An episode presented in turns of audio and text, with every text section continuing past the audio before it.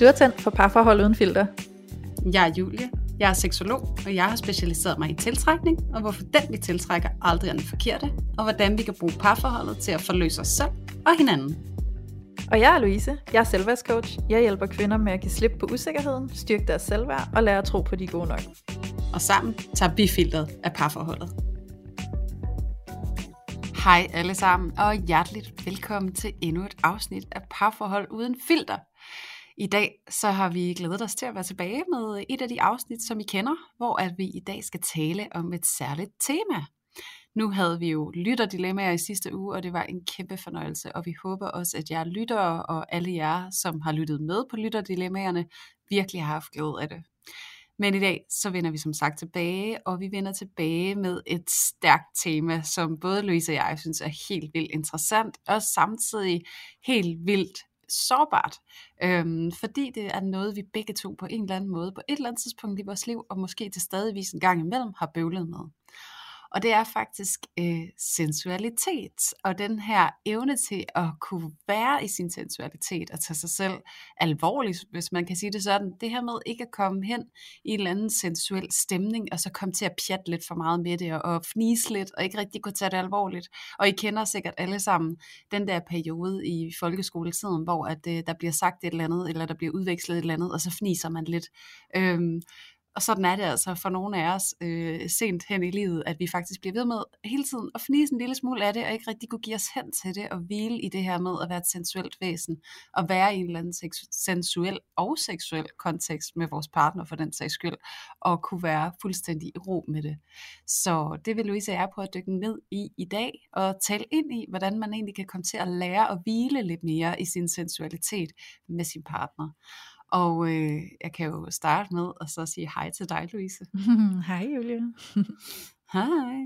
Jeg håber, min intro den blev øh, passende og ikke sådan for kringlet eller for lidt forståelig. Jeg håber i hvert fald, at du er helt med på, hvad det er, vi skal tale om i dag. 100 procent. Jeg synes, det var en rigtig god og forklarende intro. det var godt. Mm. Altså det, til alle jer lytter, der, der sidder og undrer jer over, hvorfor vi måske drøfter vores intro lige nu, så er det altså fordi, at, at Louise og jeg, vi har det her med, at vi skiftes til at lave intro, og, øh, og det er nogle gange rigtig fedt, og nogle gange så er det sådan lidt, Åh, okay, vi prøver. ja. Så det er sådan uh, lidt uh, behind the scenes, og nu har jeg lyttet til så mange podcasts efterhånden, at jeg har på fornemmelsen, at det ikke kun er os, Louise. Mm. Det, er sådan, mm. det er en generel ting, hvem starter, og hvem ligger ud, og hvordan er det. Ja. Så. ja. Ja, det er ja. altid lidt sjovt. Og nogle gange så lander det rigtig godt, hvem der lige skal have introen, og andre gange så er det sådan lidt, øv, jeg er 18.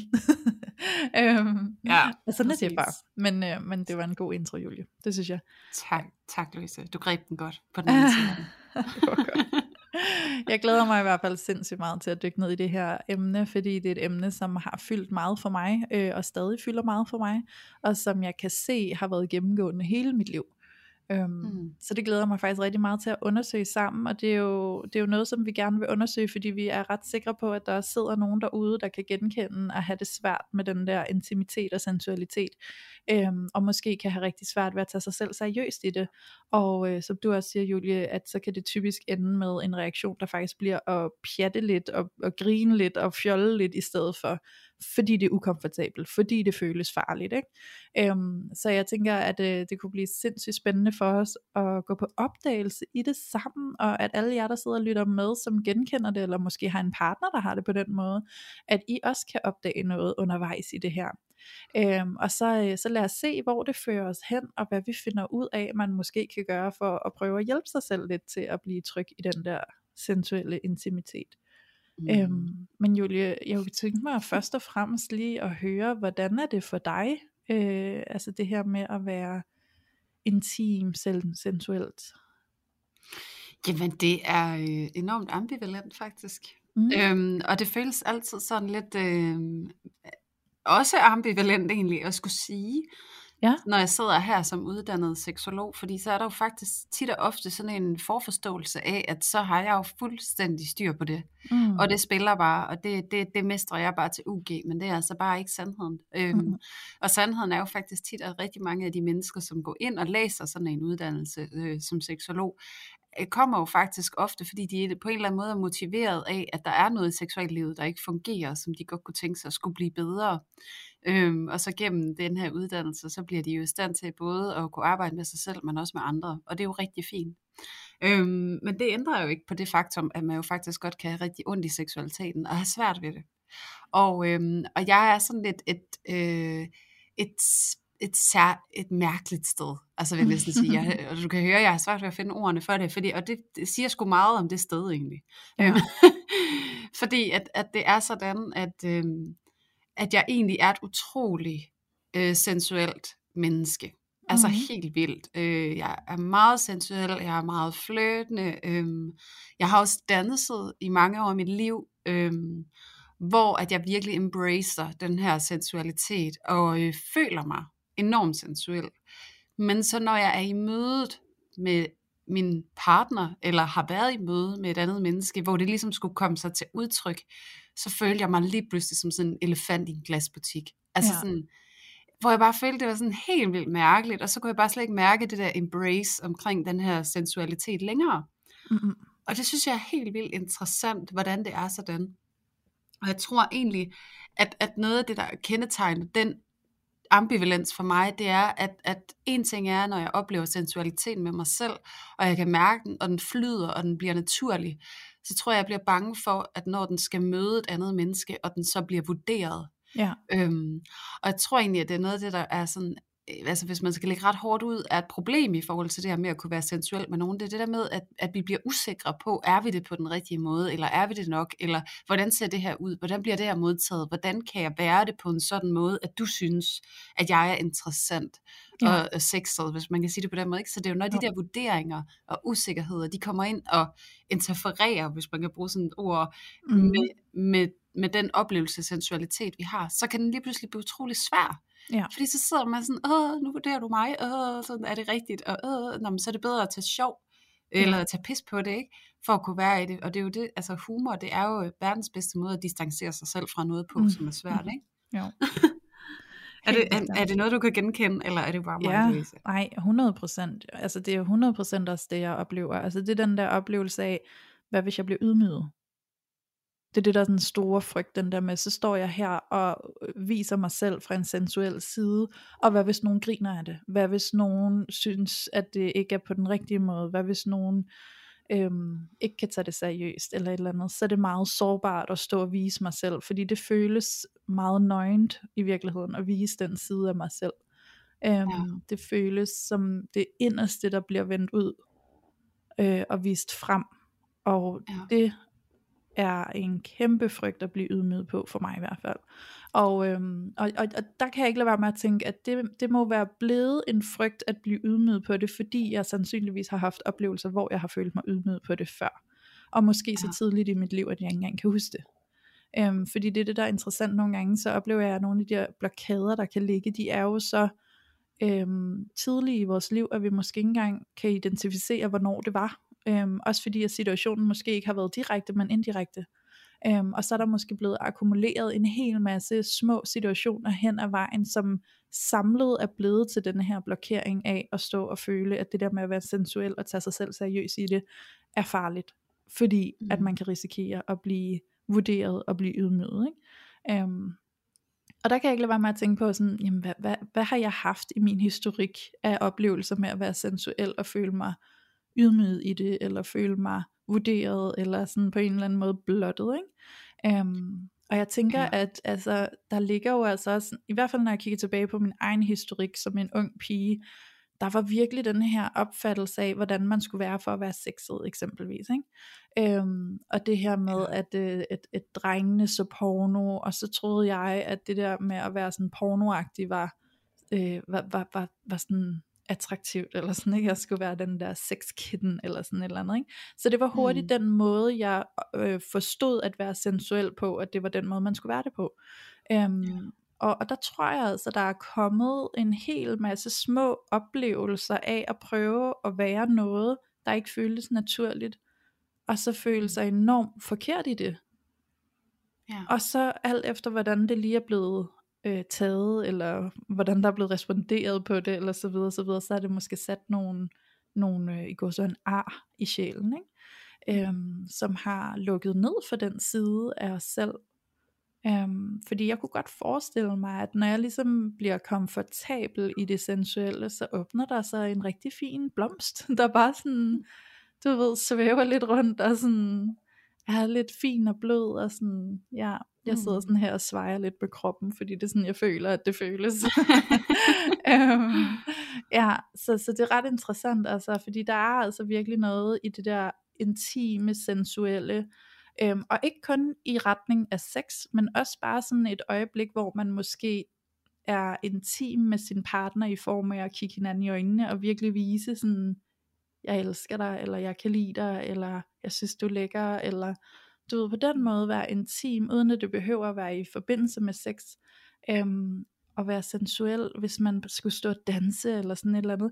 Jamen, jeg har så svært ved at tage det seriøst. Jeg begynder med det samme at grine og føle mig altså dybt ukomfortabel. Øhm, og jeg gider faktisk rigtig godt at få lettet op for det, fordi at jeg ser, at der er en... Øh, der er faktisk noget derinde, jeg synes er lækkert, og noget, som jeg gerne vil vinde, eller hvad man kan sige, der er noget, jeg gerne vil udnytte og opleve, øhm, som jeg ikke gider være holdt tilbage fra. Så, øh, så jeg, jeg er faktisk selv i proces med at øve mig rigtig meget på at kunne tage mig selv seriøst i at være sensuel og intim. Ja. Ja. ja, jeg tror egentlig, at, det, at det, grunden til, også når jeg sidder og lytter på dig, Louise, grunden til, at det bliver så forbandet svært, er jo fordi, at det jo dybest set handler om at vise en enormt sårbar side af sig selv. Ja, øh, det det altså der. en meget sådan dybdeliggende øh, del af ens person. Øh, noget, der er så øh, naturligt og mm. instinktivt, mm. og også i sådan en kultur, hvor at vi praiser kontrol og øh, selvregulering, ja. øh, og altså så det der, altså det er jo egentlig et meget ureguleret sted, altså sådan et meget sensorisk sted, som er enormt øh, naturligt, men, men det er ikke lige der, hvor kontrol og sådan nogle ting, det nødvendigvis øh, hører med. Nej. Det, det er jo enormt umiddelbart, så derfor så tror jeg egentlig for mange af os sådan rent kulturelt kan have en skamfølelse omkring det sted mm. i os mm. selv, og så give os hen til det sted og vise os fra det sted, fordi det netop ikke er en tune med den kultur, som vi indgår i, hvis du kan følge mig i det. Giver det mening? Ja, ja, ja men det giver 100% mening, fordi det er jo det der øjeblik, hvor vi egentlig øh, ligger på rædderne ned og blotter os selv. Ikke? Og sådan, ja. det, er jo, det er jo faktisk den der sådan helt fine, sårbare kerne, der får lov til bare at flyde, ikke? Altså, og det, det skal man jo så på en eller anden måde være okay med, og, øhm, og være komfortabel i at stå i det. Ja, ja, og det der med, at altså jeg tænker sådan på det der moment, ikke, hvor man sidder og kigger sin partner i øjnene, og man har lyst til at læne sig ind, for et eller andet passioneret kys, og så ender mm. man måske med at sige et eller andet i stedet for, eller grine, eller ja. fordi man, man i den der slipstrøm ikke kan få taget sig selv alvorligt, altså i ja. forhold til sådan at, at reagere på den impuls, mm. øhm, fordi at man også kan blive sådan, ej bliver det for højtidligt, eller et ja, eller andet, altså der kan, der kan komme så mange tanker ja. i, i det moment, hvor man bare sidder fuldstændig over, altså og vurderer sig selv, ja. altså fra den ene og den anden vinkel, ikke?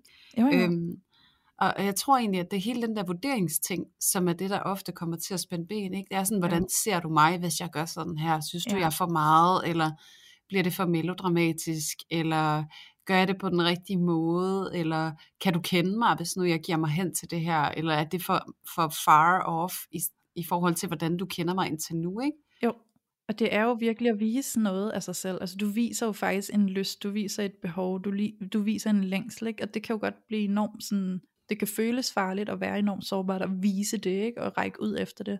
Jeg kan godt lide det ord, du bruger, sådan, bliver jeg for højtidelig i det, fordi det er faktisk virkelig det, der gør det akavet for mig. Det er den der mm. højtidelighed, mm. hvor jeg kan blive sådan helt, ej, puha, det, det er virkelig akavet det her, så, så lader jeg bare være, eller så begynder jeg bare at flække grin, ikke? Um, og pjatter i stedet for. Ja. Ja, og jeg sidder og tænker tilbage på også noget af det, du talte om lige før, i forhold til det her med tidlige traumer. Mm. Altså, altså tror jeg jo egentlig, at, at det jo starter jo tidligt i livet, hvor vi på en eller anden måde får en eller anden impuls ja. øh, til at gøre noget, eller leve os ind i noget.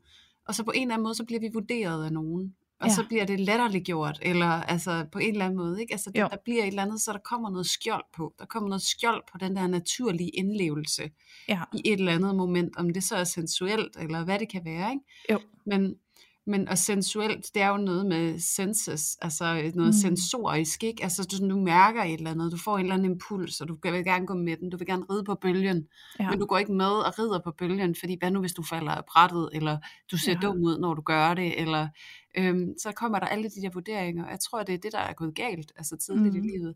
Det er de her møder med nogle, nogle vigtige andre, hvor vi er blevet vurderet på en eller anden måde, som værende netop for meget, eller mm. eller det er godt nok mærkeligt, det du gør, ikke? Øhm, jo. Også fordi, at det er så øh, netop umiddelbart et sted, så det er meget også sårbart for kritik og vurdering. Ja, der. Så derfor så kommer det til at lære sig, sådan ja. at det ligger derinde. Så det bliver sådan en dæmper, vi har på os selv, ja. når vi kan mærke, at vi får en impuls til noget. Så bliver det den der naturlige stopklods, som på en eller anden måde bliver installeret i os i de møder med de vigtige andre, hvor vi mærker, at det er forkert, eller får en mm. opfattelse af, at det er forkert, at jeg ikke lever mig ind i det her på den her måde. Ikke? Jo, jo men helt rigtigt. Og jeg sidder og tænker, at det er jo fordi, vi på et eller andet givet tidspunkt er blevet, øh, hvad hedder sådan noget, nu tabte jeg lige tråden. Altså, vi er blevet afbrudt i at forfølge den der, det der flow, der egentlig opstod ja. inde i os. Ikke? Den der ja, følelse, præcis. som vi gerne ville gå med, og så er vi blevet udskammet på den, eller vi er blevet bremset i den på en eller anden måde. Ikke? Øhm, og nu sidder jeg automatisk og leder efter sådan spor i min egen historie, sådan, hvor har det opstået hos mig. Ikke? Og jeg kan faktisk huske en episode helt tilbage i børnehaven, og det er jo sådan også for at i tale sætte, hvor tidligt det kan ske, og det sandsynligvis også er sket ret tidligt, og i nogle sammenhænge, som du måske ikke forbinder med intimitet og sensualitet. Øhm, men det for at hjælpe jer også til at gøre et opdagelsesarbejde i jer selv, når I nu er nysgerrige på at finde ud af, hvor kan det være opstået for mig, at jeg har følt mig bremset og lukket ned på det her. Ikke? Øhm, ja. Så jeg vil gerne fortælle min historie, øhm, som stråler tilbage til børnehaven. Og jeg, jeg tænker, at... ja, men, ja, og jeg tænker faktisk, at forud for den historie må der være sket noget andet, og det skal jeg nok komme ind på. Men øhm, jeg går i børnehave, så jeg har ikke været særlig gammel, kan vi godt regne ud, fordi man går i børnehave, når man er været mellem 4 og eller 3 og 5 3, eller 3 og 6 år. 3 og 6 år. Så jeg har været et eller andet sted der. Jeg har måske været, lad os sige, 4-5 år eller sådan noget. Ikke? Øhm, og der er en eller anden øh, øh, dreng nede i børnehaven, som jeg bliver vild med og er forelsket i. Øh, og det er jo det sødeste, små børn, der forelsker sig. Ikke? Øhm, og så kan jeg huske, at der er en juleaften, hvor at jeg gerne vil fortælle min moster faktisk, at jeg er forelsket i den her dreng. Øhm, men jeg er lidt genert øhm, og kan ikke sådan helt lide at sige det, og sådan, så jeg spørger hende, om ikke vi lige kan gå ind i en anden stue, øhm, så vi går ind i en anden stue, end hvor resten af familien sidder, og så visker jeg det til hende og fortæller, hun må ikke fortælle nogen om det, fordi det er hemmeligt, og, men at han er altså lidt sød og sådan, ikke? så jeg havde jo tydeligvis et behov for at dele denne her følelse med nogen, som jeg oplevede, øhm, men på en eller anden måde var jeg jo også generet omkring det, og det er det jeg mener med, der må have været noget forud for det, der har lært mig, at det der med at have sådan en følelse, det kunne godt være noget, man skulle skamme sig over. Ellers ja. tænker jeg ikke, jeg ville have været så genert og hemmelighedsfuld omkring det. Øhm, men, øh, men jeg fortæller det til min moster, og øh, desværre sker der så det, at i det øjeblik, at vi går tilbage til stuen, hvor resten af familien sidder, så i døråbningen, øh, før vi overhovedet når at gå ind i stuen til alle de andre, så braller hun bare ud til hele familien. Louise er vild med en dreng. Altså sådan på den der måde, som voksne godt kan gøre, fordi de synes, det er og uskyldigt. Øhm, og der følte jeg mig bare så flov. Altså jeg følte mig så skamfuld, og jeg følte mig så forrådt.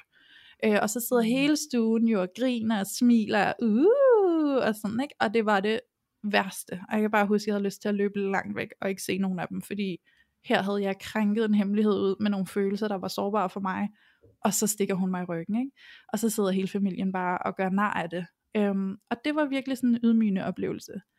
Og mm. jeg kan ikke lade være med at tænke, at, øh, at det er jo i sådan nogle episoder i vores liv, hvor det opstår, at vi faktisk ja. får den der blokade for at faktisk gå med de følelser, som er meget ægte og sårbare og intime og til dels også sensuelle. Ikke? Ja, fordi du viser jo i det moment, altså det er jo også det, som sensualitet et eller andet sted er. Det er jo også tit altså noget, der sker, øh, det kan jo ske både med en selv. Man kan jo sagtens styrke sin egen sensualitet og dyrke det sensuelle med sig selv, og det er også enormt anbefalesværdigt, bare lige for at understrege det. Men det er jo det der med, når vi udveksler det med nogen på en eller anden ja. måde. Og, der, der, og, og sensualiteten, det er jo sådan en desire på en eller anden måde. Mm-hmm. Øhm, Altså noget, man har, noget, man har lyst til, ikke? Altså Jo. en impuls, man får. Så det her med, at, at du deler det med nogen, at du har en impuls efter noget med nogen, ikke? Ja. Øhm, at det, det er så enormt sårbart, og så netop at blive latterliggjort i det moment, det kan jo godt være bidragende til, at man netop, som du også oplever, Louise, får lukket ned for den side af sig selv, fordi mm. at Mhm. man netop bliver skamfuld, fordi man godt kan mærke, at det kommer fra det her meget sårbare sted. Ikke? Jo, men præcis. Og jeg tror bare, at der er rigtig mange af os, der på en eller anden måde er blevet lukket ned på den måde ret tidligt, hvis det er, vi går og kæmper med de her ting. Øhm, og så elsker jeg egentlig, at du tog børnehave med ind i det, fordi det er jo også noget af det, som der ofte er problem. Ikke? Det er jo, at når vi ser en eller anden form for seksuel udforskning øh, af en selv, eller to børn imellem i en børnehave, eller sådan noget, ikke? så er der jo faktisk hele det her skamfulde, øh, hvad kan man sige, den her skam, der er imprægneret i rigtig mange af os igennem flere generationer, som bliver trukket ned over det, som beskueren ser, ikke? Jo. At det er skamfuldt, og det er forkert, og det skal børn ikke, og I skal ikke være sammen med hinanden på den måde. Øhm, og det er jo hele den skam, der på en eller anden måde bliver indlejret i os i forhold til, Nå, okay, jeg må ikke gøre det her, eller mm. det her det er forkert, det her jeg mærker, de her sensationer, den her nydelse, eller den her måde, jeg mærker mig selv eller en anden på, Ja. det er noget, der er skamfuldt. Det er til gene for andre. Det er noget, jeg ikke skal sådan læne mig ind i eller embrace, og det tror jeg desværre gør sig gældende for rigtig mange af os, og Ja. rigtig mange flere, end vi lige umiddelbart går tror. Ja. Øhm, og det ved jeg ikke, om du også kan genkende, altså at blive, er blevet udskammet på den måde tidligt i dit liv. Øhm, jo, det tror jeg nu nok. Altså jeg tror nu nok sagtens, jeg vil kunne finde nogle øh, episoder, hvor det er sket. Øhm, og jeg kan ikke lade være med at tænke sådan, den historie, jeg lige fortalte, at jeg kan jo faktisk godt se, hvordan at det jo har trukket med sig igennem hele mit liv, ikke? fordi al den tid, jeg kan huske sådan i min, du ved, teenageår og unge 20'er og sådan gennem livet, hvor at jeg sådan har forelsket mig, så har det altid været hemmeligt, at jeg var forelsket. Der var ikke nogen, der måtte vide, at jeg var forelsket, og den person, jeg var forelsket i, måtte for guds skyld ikke se det.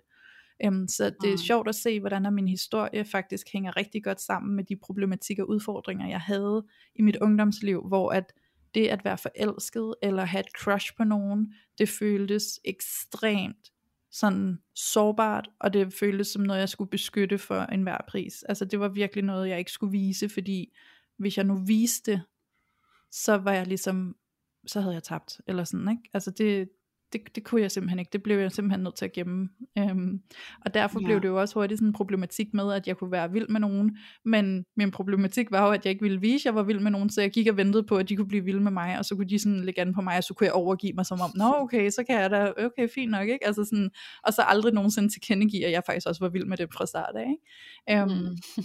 Og der kan jeg også huske en, en episode i min folkeskole faktisk, hvor jeg også blev udskammet og ydmyget for at være forelsket i en dreng øh, i skolen. Ikke? Øhm, og det foregik altså op i de store klasser, og det var, det var mobning på en rigtig grim måde. Ikke? Og altså, det Ja. er sjovt at se, hvordan så, så, så, så trækker det et mønster med sig, det der med, at vi bliver, vi bliver ved med at få de samme oplevelser af at blive ydmyget på noget, fordi vi jo faktisk selv gør en kæmpe indsats for at gemme det væk og holde det hemmeligt, og øh, beskytte os selv i det, og så vil vi jo automatisk komme i de der situationer, hvor vi ser et mønster i, og så er det det, vi bliver ved med at blive ydmyget på, eller blive fanget i, eller hvad man kan sige. Ikke? Um, Mm. mm. Fordi først efter, at jeg er blevet øh, okay med at vise, at jeg kan være vild med nogen, og at sådan anerkende og erkende og tilkendegive de følelser, jeg har, så er det holdt op med at være et issue. Ikke? Mm. Så møder jeg ikke den der oplevelse længere af at blive øh, ja, ydmyget på det, eller hvad man kan sige. Nej. Ja. Nej, og det er jo en interessant oplevelse, og jeg sidder også altså sådan i alt det, du beskriver, og noget af det, vi også har snakket om indtil nu, så sidder jeg jo også og tænker på tilknytning, ikke? altså sådan, og det er jo altså gennemsyrende for nærmest alt, hvad vi erfarer øh, mennesker imellem, ikke? Ja. Men, men hvor jeg også sidder og tænker, at der er også noget af det der med, at man afgiver en eller anden form for magt, hvis man tilkendegiver, at man er interesseret i en anden, ikke? Altså så mm. har de Mhm. pludselig en eller anden form for magt over en, og Ja. fordi man jo gerne vil have noget af dem, og så snart du gerne vil have noget af nogen, så har de en eller anden form for magt. Ja. Øhm, og, og, og det kan jo være enormt sårbart at stå lige der øh, og have det behov. Så derfor så kan det jo også være, hvad kan man sige, øh, nemt på en eller anden måde at så tilbageholde det, fordi på den måde så kan du prøve, have en følelse af, at du beholder magten over dig selv. Mm. Øhm, så det er jo også det der med, at hvis man har en utryg tilknytning, og man har dårlige erfaringer med at læne sig ind i andre, eller turde have tillid til andre, eller forvente noget af relationer, som er konstruktivt eller behageligt, at så kan der jo også være en tilbøjelighed til, at man får hold på sig selv på en eller anden måde. Ikke? Man har svært ved at give sig hen, man har svært ved at åbne op. Øhm, det er slet ikke atypisk, at det er en oplevelse, man kan have. Så jeg tænker jo også det der med, at hvis man tilbageholder sig selv som et sensuelt væsen øh, i, i alle mulige facetter, så kan det jo også godt have noget med det at gøre. Ikke? Mm. Altså det her med, at man på en eller anden måde er lidt kronisk lukket, fordi at man har de her negative erfaringer med at skulle have brug for andre, som ja. den her sensualitet jo godt kan være et udtryk for nogle gange, det her med, at jeg vil gerne have noget af dig. Og så tænker jeg også, jeg sidder sådan, og kan ikke lade være med at tænke på, på i forhold til mig selv, og det her jeg siger med jeg selv, altså ser mig selv og beskriver mig selv som et utroligt sensuelt væsen egentlig, mm. og en enormt fløjende menneske. Men, men jeg kan se mig selv, altså jeg har jo intet problem med at stå og være max sensuel ude på et dansegulv, øh, mm. på en natklub, eller gå til burlesk, øh, som jeg jo også har gjort. Øh, ja og så fyre den af der. Men tanken om at være i et soveværelse med min kæreste, og så gøre præcis det samme der, det er så sygt intimiderende en tanke. Ja. øhm, og hvor det der med, at der bliver det jo netop tydeligt, hvordan at det er de der meget øh, hvad så, grundlæggende personlighedsstrukturer, som går ind og så laver sådan den der interference mm. øh, med ens øh, oplevelse af at være i stand til at udvise den her sensualitet, fordi det er jo frygten for, kan, kan du afvise mig på det? Øh, ja. Sidder du og vurderer det, jeg gør? Gør jeg det godt nok? Og så der, der tænker jeg jo også, altså det her, hele det her præstationsaspekt i forhold til, hvordan vi præsterer som seksuelle væsener, også får en betydning, at der er vi jo også alle sammen indlejret i sådan en forståelse af sådan her, er du seksuel, eller du vil jo gerne være en af dem, du ved, der bliver rangeret højt i, i bogen af kvinder, øh, eller mænd, vedkommende har været sammen med. Ikke? Så der bliver den der enorme selvbevidsthed i forhold til, hvordan performer jeg for dig. Mm. Så, så der er jo også et element af, at det bliver den her performance, og lige pludselig så får den her performance betydning. Ja. Så derfor så bliver det svært. Jeg ser for mig, at hvis jeg står i træningslokaler og danser, ikke, så er det sådan meget chill, men når jeg skal til øh, DM eller VM, og der sidder dommer og kigger på mig, så bliver jeg jo max nervøs, max ja. presset, ikke? For jo. nu betyder det noget, der er noget på spil. Og det er jo præcis det samme, der sker, når at det er henne i danselokalet kontra at stå hjemme i soveværelset foran sin mm. kæreste. Ikke? Ja. Øhm, at der kommer bare noget mere på spil på en eller anden måde. Og der er det så vigtigt at kunne læne sig ind i tillid ja. og tryghed. Og hvis du ikke har tillid og tryghed med dig øh, gennem din opvækst, så bliver det faktisk en rigtig, rigtig svær bevægelse at lave. Ja. Så det er også det der med at se, at den der usikkerhed i forhold til at læne sig ind i det sensuelle og være sensuel, den jo også kommer måske af en fundamental mistillid mm. til, at, at, at der kan være den form for afslappethed i de nære relationer. Fordi ja. man skal være på på en eller anden måde. Ikke? Jo. Ja, og jeg sidder og tænker, Julie, jeg har lyst til at give øhm, lidt af min øhm, oplevelse til din historie, eller hvad man kan sige. Øh, fordi du det fortæller det her med, at du jo faktisk øh, er i stand til at være sensuel, når det sådan er på egen hånd, eller når det er på en måde, hvor du ikke står overfor øh, i dommerne. Ikke? Um, ja. Hvor at jeg har jo faktisk, øh, jeg har faktisk svært ved at være sensuel på egen hånd i sig selv. Altså sådan bare selv, hvis jeg var helt mm. mutters alene øh, herhjemme, og der ikke var nogen overhovedet. Øh, det der med sådan at gå ind i at være øh, i nogle sensuelle bevægelser, eller sådan på en eller anden måde, det ville jeg have det svært med. Jeg ville synes, det var akavet, og jeg ville synes, det var grænseoverskridende. Øhm, og tanken om at stå i sådan et øh, danselokale og skulle lave en eller anden form for sensuel eller sexet dans i et lokale, hvor der også er andre til stede, det kryber mig langt ned i ryggen. Altså jeg ville med det samme føle, at hele min krop ville stivne, og jeg ville sådan øh, freeze, og jeg ville bare stå og tænke, det kan jeg ikke det her. Eller så ville jeg begynde at sådan grine og fjolle og være sådan ha ha ha agtig, ikke? fordi det kan vi ikke tage seriøst det her. Ikke? Øhm, og det er ret interessant at kigge på, og jeg, altså jeg har det sådan, jeg er virkelig et sted, hvor jeg gerne vil udfordre mig selv på det her, og jeg har faktisk allerede gjort noget. Jeg har, øh, jeg har faktisk mm. været til sådan et øh, dansehold, hvor det var sådan noget øh, meget følende øh, dans, der ikke havde nogen trin. Så det var egentlig at komme ind i et lokale, og så skulle det hele bare være sådan noget flow, altså sådan, hvor du bare, du laver bare de bevægelser, din krop kalder på. Øhm, og så var det sådan noget med sådan nogle slangebevægelser, og sådan noget, altså bare frit spil, sådan mærk hvad der sker, bare følg det din krop gerne vil, og så bare sådan leve dig ind i det, og se hvad der sker. Og så sådan noget med sådan de der slangebevægelser, sådan lidt, ja, mm. kravle lidt rundt på en eller anden måde. Ikke? Um, og det må jeg indrømme, at de første 20 minutter, hele mit system var opsat på, hvordan kan jeg komme ud af den her situation, hvordan kan jeg komme væk.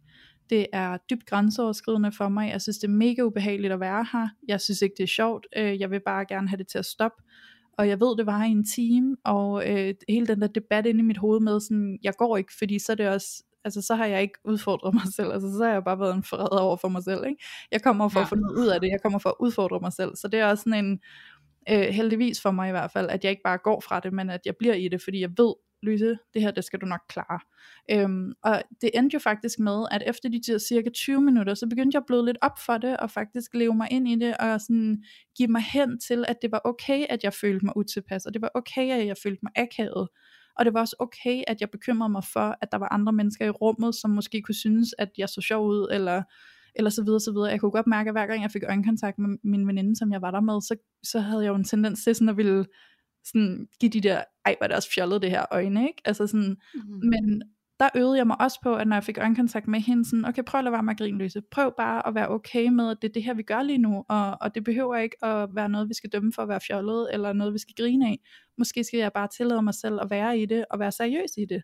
Så det var virkelig en udfordring, jeg gav mig selv der. Jeg er mega stolt af mig selv, og jeg må også indrømme, at da jeg sad tilbage efter den her danseteam, der var jeg bare øh, lettet op på en måde. Jeg kunne mærke, at det, sådan, det der med at blive i det, og blive ved med at udfordre mig i det, det gjorde det mere tilgængeligt øhm, for mig, at, og sådan invitere det ind. Og øh, hun spurgte os, danselæreren, sådan, hvordan det var, og jeg måtte jo virkelig se sådan, jeg er fucking stolt af mig selv, fordi at det her, det er noget, der er sindssygt grænseoverskridende for mig, for det bliver meget intimt og sek- øh, ikke seksuelt, sensuelt, øhm, og det er grænseoverskridende for mig, men jeg er glad for, at jeg har gjort det, og jeg kunne mærke, at det er, det er mere af sådan noget, jeg skal, jeg skal øve mig på, for at komme i kontakt med den side af mig selv, og blive mere okay med den, og kunne begynde at tage den seriøst, i stedet for at fjolle på den, ikke? Ja. Ja, ja og, det, og det er jo virkelig fint, det du beskriver, Louise, fordi det er jo også netop altså sådan helt lavpraktisk og konkret en måde, man kan gå til det på, hvis det er, ja.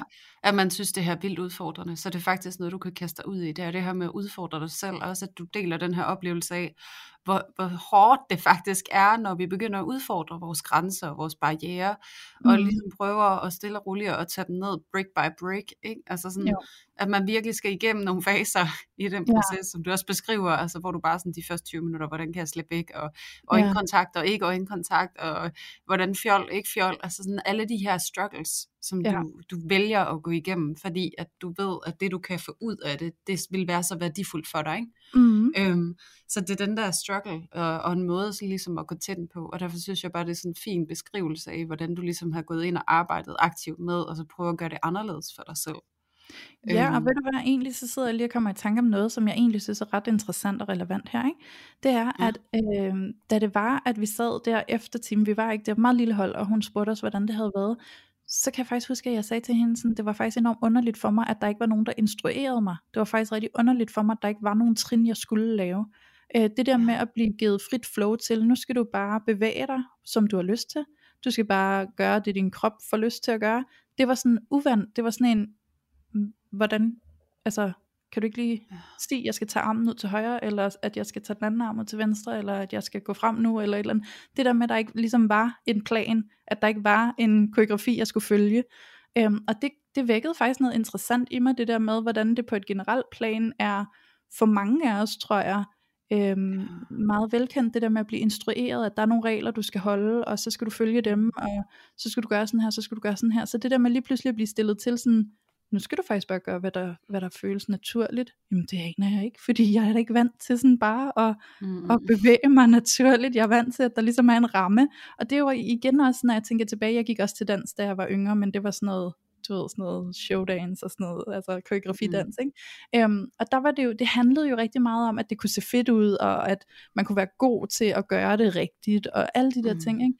Og, og prøv at tænke, hvor meget af vores liv, der egentlig er indrettet efter nogle rammer, hvor der er nogle specifikke måder at gøre det på, som vi kan blive gode til at gøre, og så har vi gjort det rigtigt, og så kan vi blive praised for det. Ikke? Um, ja. Prøv at overveje, hvor få steder i vores liv, der bare er frit flow til egentlig bare at mærke efter, og så bare gøre det, der føles øh, naturligt. Ja. Ja, og der er jo egentlig også, altså sådan, der er jo noget, hvad kan man sige, meget legitimt i det, du siger på den måde, at sådan rent udviklingspsykologisk, så ved vi jo også, at vi bliver til i spejlingen med andre. Ja. Altså det er, når vi bliver spejlet, og vi spejler noget tilbage, ikke? Altså det er der, hvor vi ligesom finder ud af, hvem og, at vi er, og opdager, hvad det er, vi kan. Ja. Øhm, så der er jo også en enorm naturlighed i det her med at blive, øh, hvad kan man sige, koreograferet, hvis, hvis man skal bruge det ord. Ja. Øhm, men samtidig så er der også det der med, at så kunne øh, freestyle, hvis man skal bruge den term, altså mm-hmm. sådan Mhm. kunne freestyle på det, alt det, man har lært ud fra, hvad det er, man intuitivt mærker, man gerne vil. Altså det er jo det der freestyle, der tit og ofte bliver problemet, ikke? Sådan, jeg kan ikke mærke intuitivt, hvad der er mig.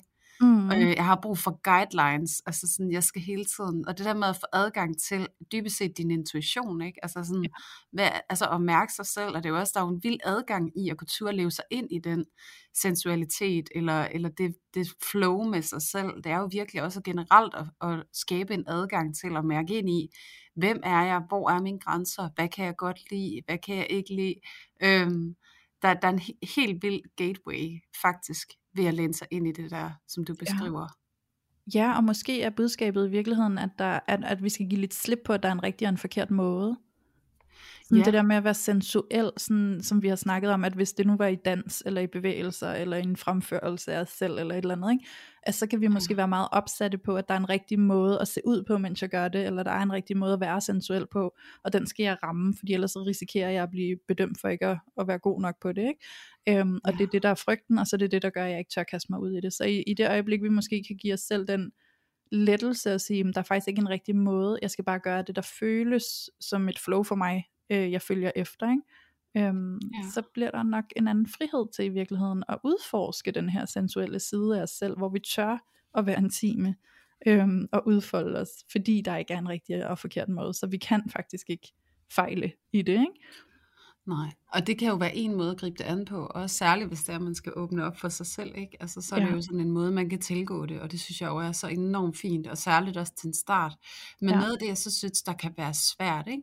Mm. det er, hvordan man så implementerer det øh, med sin partner, fordi det er bare noget andet, når ens partner står foran en, ikke? Ja. og man skal til at være sensuella, der øh, skal prøve at leve sig ind i det flow, altså fordi at tillade sig selv at blive set ja. i det, som er så nøgent egentlig, Ja. fordi det er så intuitivt. Det er jo faktisk det, der virkelig er øvelsen. Og der, der har jeg altså også en erfaring med, sådan rent personligt, at det her med at begynde at kommunikere de her barriere, vi oplever, fordi at det er også tit og ofte, så, altså hvis det er, du mærker en barriere, og der er et eller andet, du ikke kan give dig hen til, så, så kan der også hurtigt i slipstrømmene det opstå sådan en skam over, hvorfor kan jeg ikke bare Mm hvorfor kunne jeg ikke bare give mig hen, og hvorfor kunne vi ikke bare, og det er også fordi, og jeg er, altså, jeg er så begrænset, og nu er det mig, der er problemet. Og, Ja, ja præcis. Der, der opstår så meget skam og skyld i de situationer, og ja. Der kan det altså være rigtig fint at afmontere dem ved, og så sige det højt. ja, ja. Øhm, fordi det er også noget af det, som jeg sådan helt personligt, nu introducerede jeg også med at sige, at jeg også arbejder med det her, jeg også synes, det her det er svært. Og det er Mhm. noget af det, som jeg er aktivt i gang med. Det er virkelig bare at sige, der står en elefant henne i hjørnet lige nu. Ja. Øhm, og det er en, en flov elefant. Det er en elefant, ja. der er bange for at vise sig. Det er en elefant, som passer på sig selv, fordi den er bange for at øh, blive ikke grebet, eller at blive vurderet til ikke at være god nok, eller hvad det kan være. Ikke? Altså sådan, Jo. der kan være så mange ting. Og så kan min, min søde øh, kæreste spørge, jamen øh, hvad har du brug for? Så jeg, har egentlig brug for, at det må være her i rummet sammen med os. At det er det, der Mm. sker. Øhm, og så på en eller anden måde, så får man det parkeret. Sådan ja. at nu kigger vi på elefanten, vi begge to be, altså ved bevidsthed omkring, at den er her. Ja. Øhm, men nu fortsætter vi ufortrødent. Og så Ja. bliver den lige pludselig, fordi den mister magten. Og det er også det, jeg siger til ham. Altså lad os tale om det, fordi så tager vi skammen ud af det. Fordi skam kan ikke lide at være i lys. Skam, Mhm. det trives i mørke. Ja. Så hvis at du gerne vil have, at det skal vedblive og være usikkert og sådan noget, så lad være med at tale om det. Mm. Så bare bliv ved med ikke at tale om det, fordi Mm. så bliver det mere og mere en virkelighed for dig, at det er sådan, at du ikke er god nok, eller du ikke er tilstrækkelig nok, eller du ikke kan finde ud af det, eller du er kikset, når du er sensuel, eller det er ynkeligt at være så hengiven, eller ja. alle de her fortællinger, vi kan have omkring os selv i den her situation, hvor vi skal være sensuelle i mødet med et andet menneske. Ikke? Jo, og jo mere vi lægger, ja præcis, fordi jo mere at vi ikke taler om det og lægger låg på det, jo mere forbliver vi jo også i en position, hvor vi skal spille en facade, ikke? hvor vi skal Ja. lade som om vi er cool, hvor vi skal lade som om vi er okay, og vi godt kan være sensuelle, men på indersiden så er alt bare i modstand. Ikke? Øhm, Ja. Så det er virkelig, altså vigtigt. Og jeg, jeg får næsten sådan den her sammenligning til, hvis, hvis nu man ikke har det så godt med at stå og tale foran en hel masse mennesker, men man alligevel skal op og lave et, en eller anden form for oplæg, øhm, mm. så kan det virkelig hjælpe at sige, hej alle sammen, øh, jeg er lidt nervøs, men øh, jeg glæder mig til at stå her og dele de her informationer med jer. Ikke? Øh, fordi ja. det øjeblik, hvor du kan være ærlig og bare være åben og sige, jeg er nervøs, så er det som om nervøsiteten automatisk aftager. Ikke? Fordi så er der ikke noget, jeg skal skjule. Nu skal jeg ikke spille, som om jeg ikke er nervøs. Nu kan jeg bare sige det, og så er det ud af verden, og så kan jeg fortsætte. Og det er okay, jeg er nervøs nu, fordi nu har jeg sagt, at jeg er nervøs. Så hvis de kan se mine hænder ryster, eller hvis de kan høre min stemme skælver, eller at jeg er lidt rød i kinderne, så ved de, ja. at det er fordi, jeg er nervøs, og nu har jeg sagt det. Så er det okay. Så er det mere okay i hvert fald, ikke? Fordi når vi ikke yeah. kan lide at sige det, så bliver det sådan en dobbelt effekt af, at vi både er nervøse, og vi står også og kæmper for at skjule, at vi er nervøse, og vi vil gerne virke cool og, og totalt seje og alt muligt andet. Ikke? Og det der øjeblik, yeah. hvor vi bare kan være et menneske, der bare kan tilkendegive, hvordan vi har det, så bliver det bare mindre farligt, og så er det ikke noget, vi skal kæmpe med at skjule, fordi så kan vi faktisk koncentrere os om at lave det oplæg og dele de informationer, vi kom for at gøre. Ikke? Um, ja, præcis. Og det er det samme med den der intimitet og sensualitet. Øhm, jeg har også øh, valgt at snakke med min kæreste om det, fordi at jeg i lang tid har øh, haft den der idé om, at jeg skulle være cool, og jeg skulle bare lade som om, jeg havde det fint med det, fordi ellers så var jeg sikkert ikke attraktiv. Ikke? Fake øhm, it till you make it. Ja, præcis. Og, øhm, og det er ikke, jeg siger ikke, det er nødvendigvis er nemt at åbne op om det og snakke om det, men det har jeg gjort, og ja, det har da også øh, budt på, at det var svært for mig at gøre det, og det krævede, at jeg også skulle være modig, og øhm, sårbar og alle mulige andre ting og, og så videre, så videre, men det har virkelig været vigtigt og øh, hjulpet meget, at vi har snakket åbent om det. Øhm, fordi det giver altså noget på vejen i den rejse til at komme et sted hen, hvor at jeg kan begynde at åbne op for at tage sensualiteten og intimiteten mere seriøst. Og for min rejse vil jeg sige, at øh, der handler det altså rigtig meget om samspillet mellem at arbejde med at jeg bliver bekvem og komfortabel med min egen sensualitet, men at jeg også begynder at blive bekvem med at dele den med min kæreste, og sådan kunne udfolde mig sammen med ham. Ikke? Øhm, og så, så det er på en eller anden måde sådan, nogle, sådan to rejser, der følges ad, hvor at, nu har jeg eksempelvis været til den der danseteam med det der sådan noget frit flow dans, ikke? Øhm, og så har jeg faktisk øh, planer om, at jeg godt kunne tænke mig at tage til sådan en boudoir øh, fotograf, hvor man får taget sådan nogle sexede billeder i undertøj, Øhm, og at jeg også godt kunne tænke mig at tage på sådan noget strip fitness danseteam, øhm, som handler om at lave sådan noget lidt sexet dans, ikke? sexet moves. Øhm, ja. Og det er, sådan en, det er sådan en del af, hvordan jeg udfordrer mig selv til at komme i kontakt med den sensuelle side i mig selv, og i virkeligheden udfordrer mig selv til at være seriøs omkring det, og gøre nogle ting, som egentlig er sindssygt grænseoverskridende for mig, men som jeg ved kan åbne en port til noget, jeg rigtig gerne vil have adgang til. Ikke? Øhm, og sideløbende med det har jeg også det udviklingsarbejde, jeg gør, hvor at jeg sammen med min kæreste øhm, forsøger at udfolde det noget mere, og sådan det her med at prøve at arbejde sammen om, at det er okay, at det er lidt akavet, men vi gør det alligevel, og vi øver os i det, ikke? og hjælpes ad. Mm. Ja. ja, og det, og det er så fint, det du beskriver, og jeg synes, det er helt vildt inspirerende også. Altså alle de ting, du egentlig sætter i gang, og jeg tror også bare, at noget af det, der er mega vigtigt at sige i forlængelse af det, det er jo det der med, at det er virkelig vigtigt, at alle jer, der sidder og lytter med derude og tænker, nu gør jeg også alt muligt, så vil jeg så virkelig gerne lige invitere jer til, hvor kommer motivationen fra? Mm, Fordi ja. noget af det, der er helt særligt for det, du siger, Louise, det er jo, at motivationen, den kommer fra dig. Det ja. er noget, du gerne vil have adgang til. Det er noget, du gerne vil have en større naturlighed omkring. Det er noget, du kan se vil give dig mm. en masse glæde. Og ikke fordi det vil gøre din kæreste glad, så vil du blive glad. Mm.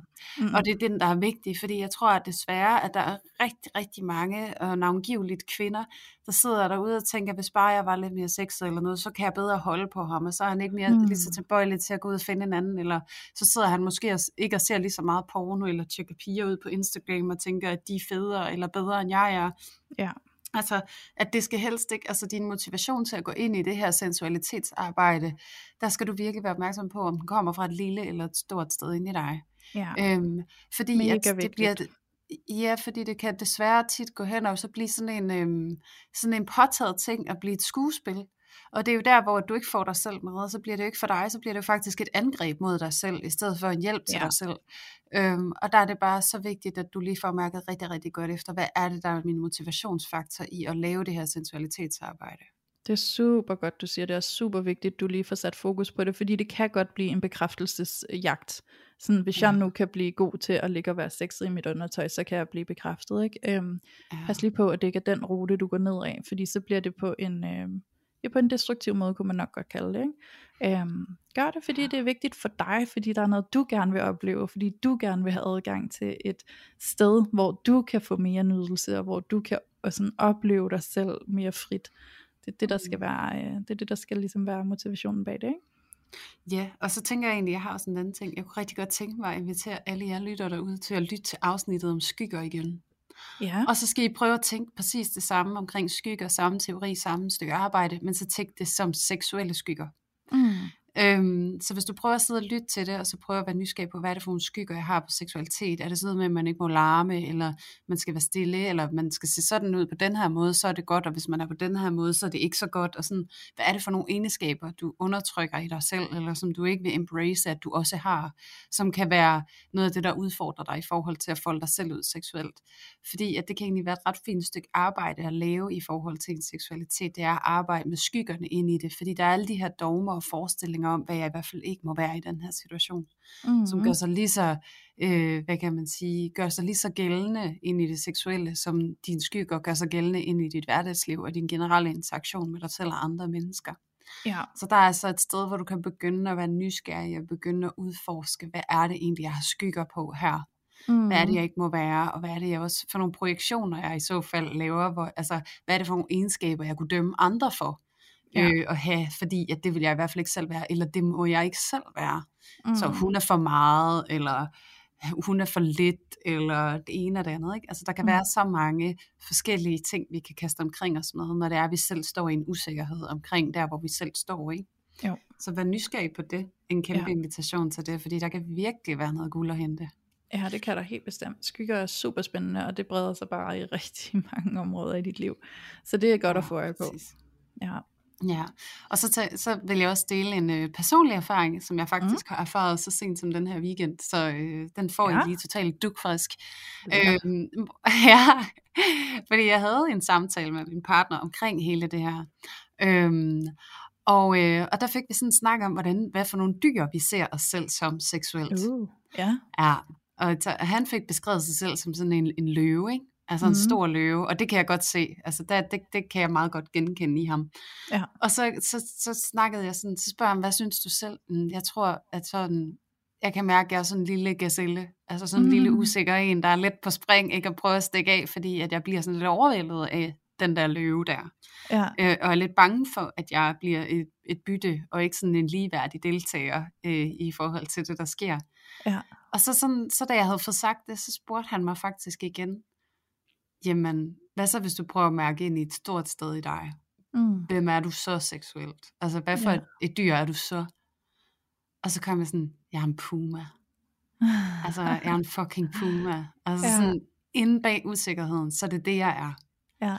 Og det var så vildt også, altså sådan, at bruge det skisme til at bevæge mig i, altså, når jeg skal prøve at forholde mig til mig selv som et seksuelt væsen.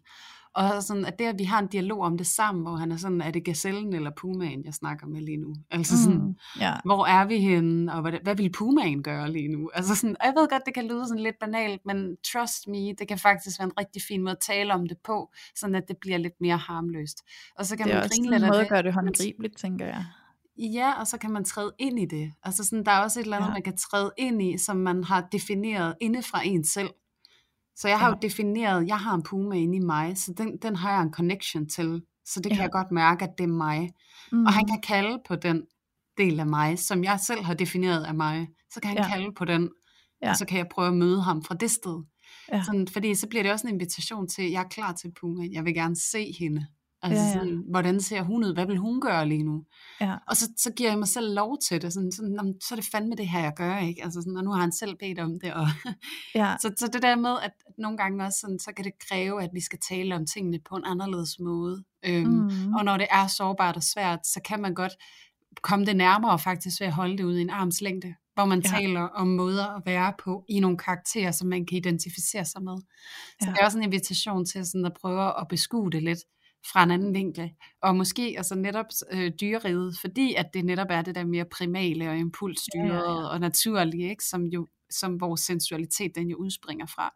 Ja. Så, så det er i hvert fald bare lige en invitation, øh, og jeg kan jo sige, og jeg kan også holde jer opdateret i, at det, det fungerer altså ret godt. Øh, og nu er jeg jo øh, sådan, at øh, jeg har arbejdet med det her i rigtig, rigtig, rigtig, rigtig lang tid efterhånden. Mm. Så jeg lærer jo også nye ting hele tiden. Ja. ja. Jamen, det synes jeg er genialt. Altså, tusind tak for lige at dele den, fordi det synes jeg, der er et genialt værktøj til at gøre det konkret og håndgribeligt og arbejde med det. Altså sådan virkelig på en måde, hvor man, ja, hvor man kan træde ind i noget, man kan forstå på en eller anden måde. Ikke? Ja, præcis. Også fordi, ja. at nu på nuværende tidspunkt, så kender min kæreste jo, nu ved han jo godt, hvad gazellen er for en størrelse, mm, og hvad der ja. ligesom definerer den, og hvordan jeg er, når jeg er i den. Ja. Øhm, og, og tilsvarende, hvordan den der puma, den fungerer, ikke? Altså sådan, mm. og så kunne kalde på det, og så kan man jo også sådan pronounce, at sådan, okay, jeg er totalt meget gazelle i dag. Mm. øh, ja. Jeg er vildt usikker i dag, og jeg er helt vildt opmærksom på, hvordan jeg bliver vurderet, og alt muligt, er svært ved at give mig hen, og har alle de her bekymringstanker, sådan, okay, så det kan også være sådan en måde at tale ind i det på, uden at skulle sige helt vildt meget, fordi man ligesom ja. har lært hinanden at kende, ikke? Jo, præcis. Ej, det ja. synes jeg er mega fint. Ja. Øhm, og så tænker jeg bare sådan lige afslutningsvis, og sådan lige, øh, jeg, jeg, jeg har behovet, så måske er der også nogle af jer lytter, der har det. Nu har vi jo både øh, brugt ord som sensuel og seksuel og så videre, og det er jo fordi, at, altså det, det er måske for at opklare en forvirring, hvis der skulle være en forvirring. Men det er jo fordi, at sensualitet kan jo godt stå alene, og ikke have noget med sex at gøre. Øhm, men sensualitet er jo også meget koblet sammen med seksualiteten og øh, det sex, som vi udøver. Ikke? Så det er, jo, det er mere fordi, de berører jo hinanden, samtidig med, at vi også godt kan kigge på dem og se dem som nogle øh, adskilte ting, der ikke har noget med hinanden at gøre. Så det, mm. det tænkte jeg bare lige, jeg ville sige, for ikke at lave, øh, eller for at være sikker på, at der ikke er forvirring omkring, hvad, hvad delen det her alt sammen handler om. Det er altså både to forskellige ting og en samlet ting. Ja, præcis. Ja. Det er i hvert fald to ting, der udspringer af det samme. Ja. altså det er jo det der meget naturlige sted i os. Og så det der ja. med, at vi jo connecter med hinanden, og vi er draget af hinanden, og vi indgår i relation til hinanden. Og sådan noget. Og der er sådan nogle broer, vi går henover, når vi skal møde hinanden. Ja. Og der er sensualiteten jo en af de broer, øh, som mm. gør, at vi går igennem vores sensualitet og mødes over i vores seksualitet, måske hvis vi når hinanden. Ikke? Ja, ja. Øhm, så, så, så det der med at, at uh, differentiere det lidt, det synes jeg også kan give fin mening her. Uh, ja. Også fordi, at, at det vi jo også forsøger i det her afsnit, det er også tale ind i det, sådan, hvordan du kan møde dig selv et sted, hvor du kan omfavne mm. din sensualitet og se dig selv som et sensuelt væsen. Ja. Fordi jeg tror at desværre mange af os, vi kommer til at se os selv lidt som sådan noget, at vores seksualitet, det er sådan noget, der ligger ved siden af os, og ikke er iboende i os.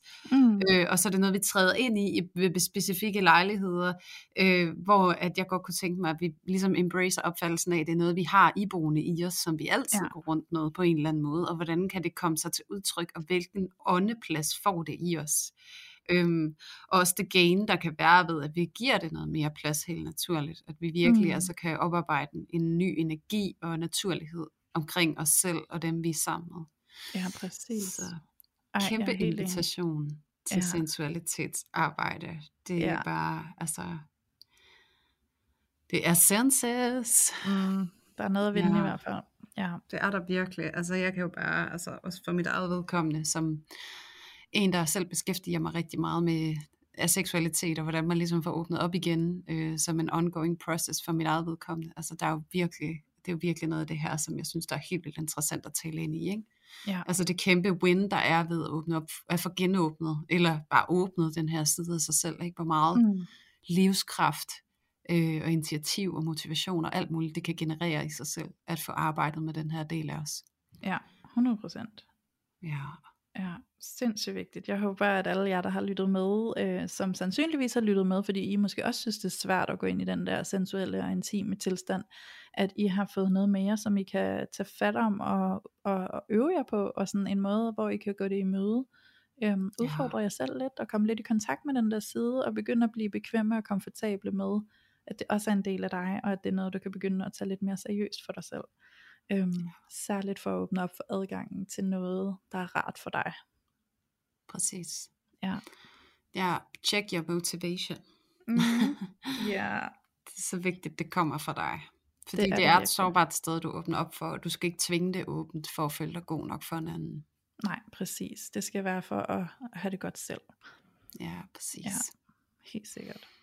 Men Julia, det blev, øh, ja, det blev da virkelig en spændende opdagelsesrejse, vi kom på her. Jeg synes, det har været øh, helt vildt spændende at dykke ned i det, og sådan udforske det, og se, hvad vi kunne finde frem til. Ja, også jeg. Altså, vi har jo Ja. været helt tilbage i øh, børnehaven og helt frem i nutiden. Altså, det er Ja. ja. en timeline, vi har opereret med i det her afsnit. Ja, det må man sige. og det er Ja. jo også sådan en timeline, som, som I derude skal prøve at, at tage fat i, ikke? Og kigge på, fordi det er altså nogle gange, vi skal helt der tilbage i vores timeline, øh, før, vi kan, øh, før vi kan finde ud af, hvor det egentlig begyndte at blive blokeringer. Ja, præcis. Ja. Ja. Altså tit og ofte, sådan også inden for seksologien, så arbejder vi også tit og ofte med afsæt i øh, den seksuelle debut, faktisk. Mm. Øhm, fordi at det, der sker ved den seksuelle debut, det kan være og er ofte enormt definerende for resten af vores seksualitet og vores måde at gøre sex på fremadrettet. Mm. Øhm, så der kan det der er også en invitation der til sådan at prøve at kigge ind i din debutoplevelse. Øhm, hvordan den var, hvad var det for en stemning der var, hvad var toneangivende, hvad var det for en måde, I var i relation til hinanden på og sådan nogle ting. Fordi mm. at der er også noget af det skam, som egentlig hører sig den tid til. Så hvis man kigger på det, så kan man ligesom få det placeret, og så kan man det bedre slippe taget i en i nutiden. Så det er en Ja. invitation til ligesom at måske at prøve at søge tilbage til det. Ja. ja, Ja. det er virkelig et spændende stykke arbejde. Mm. Så øhm, ja, så jeg tænker, det var, øh, det var, det var, det var godt. That's a Ja. wrap. That's a wrap. ja, øhm, Ja. og så øh, som altid vil jeg jo bare invitere alle jer, der lytter med til at komme ind og være en del af vores loge. Øh, mange af jer er det sikkert allerede, fordi vi er altså nu øh, 1700 mennesker inde i logen. Det er virkelig fantastisk. Og øhm, Ja. til dig, der ikke allerede er medlem, så kom ind og vær med, fordi det er et mega kærligt og varmt fællesskab, hvor at du sammen med alle de andre lyttere kan udforske dine egne dilemmaer og finde ud af, at du faktisk ikke er særlig alene med dem. Øhm, og det er altså en dejlig støtte at få, og der bliver altså kastet omkring sig med gode råd og støtte og sparring øh, på alt, hvad der nu bliver delt derinde. Så kom ind og vær Mm. med. Vi, øh, vi lukker dig ind om tirsdagen, så øh, alt efter hvornår du lige går ind og søger medlemskab, så kan du regne med, at næste gang klokken slår tirsdag, så bliver du lukket ind. Ja, Ja, I skal komme ind og være med i logen. ja det skal I. We wanna see you. Mm. Ja, så øh, mega fedt med den opfordring, Louise. Og så kunne jeg altså også rigtig godt tænke mig, jeg plejer jo faktisk at spørge jer, det kære lytter derude, om I kunne have lyst til lige at smide en anmeldelse af nogle stjerner ind på Apple Podcast, og det må I selvfølgelig også hjertens gerne. Men øh, hvis det er, I sidder derude og synes, det bare er topfedt at lytte til parforhold uden filter, så kan I altså også hjælpe os endnu mere, hvis det er, I får lyst til at dele i jeres story, at I går og lytter til os og tagger os i jeres story, sådan at vi kan se, hvad det er, I laver. For en ting er, at det er sindssygt hyggeligt for os. En anden ting er også, at I øh, hjælper andre med at opdage os, så vi kan få flere til at lytte med og opdage, at det er, vi eksisterer. Mm. øhm, fordi at, at øh, det skal ikke være nogen hemmelighed, da Louise og jeg i sin tid, vi satte os ned over for hinanden på Søsterne Grene inde på strået i Aarhus. Der kiggede vi jo på hinanden og sagde, at vi vil med at gerne bidrage til en eller anden form for revolution, hvor at mange flere mennesker derude, de går og får en følelse i maven af, at de er helt okay, og det er helt okay, at det er svært, og at man struggler en gang imellem, og der er så meget hjælp og råd og vejledning at hente. Og det er det, som den her podcast, den forhåbentlig øh, bidrager med til jer. Så, øh, så øh, Louise og jeg, vi kan få den her revolution til at ske, øh, hvis der er flere og flere, der opdager, at vi findes, så flere og flere får adgang til de her værktøjer, så de kan Mm. hjælpe sig selv og dem, de er i tæt relation med. Så øh, I skal virkelig ikke holde jer tilbage og ved med jer selv, at det er den øh, revolution, hvis vi skal kalde det det, som I er med til at, at støtte op om, når det er, I deler og, øh, og viser, at vi findes til, til Ja. alle dem, som I kender. Så en kæmpe varm anbefaling til det, og øh, så deler vi selvfølgelig alle jeres stories i vores story, mm. så frem de laver en og tagger os i den. Så vi elske at dele det med vores følgere også. Ja. Så øh, til dig, som øh, sidder og har besluttet dig for, det vil jeg virkelig gerne. Tusind, tusind tak. Du gør altså en rigtig, rigtig stor forskel, både for os, men ikke mindst for dem, som får lov til at opdage, at vi findes. ja, 100% enig. Ja, men Julie, så øh, vil jeg bare sige tusind hamrende tak for i dag. Det har virkelig været spændende. ja, i lige måde, Louise. Tusind tak for i dag. Og tusind tak til alle jer vidunderlige lyttere, som endnu en gang har været med til at tage filteret af parforholdet.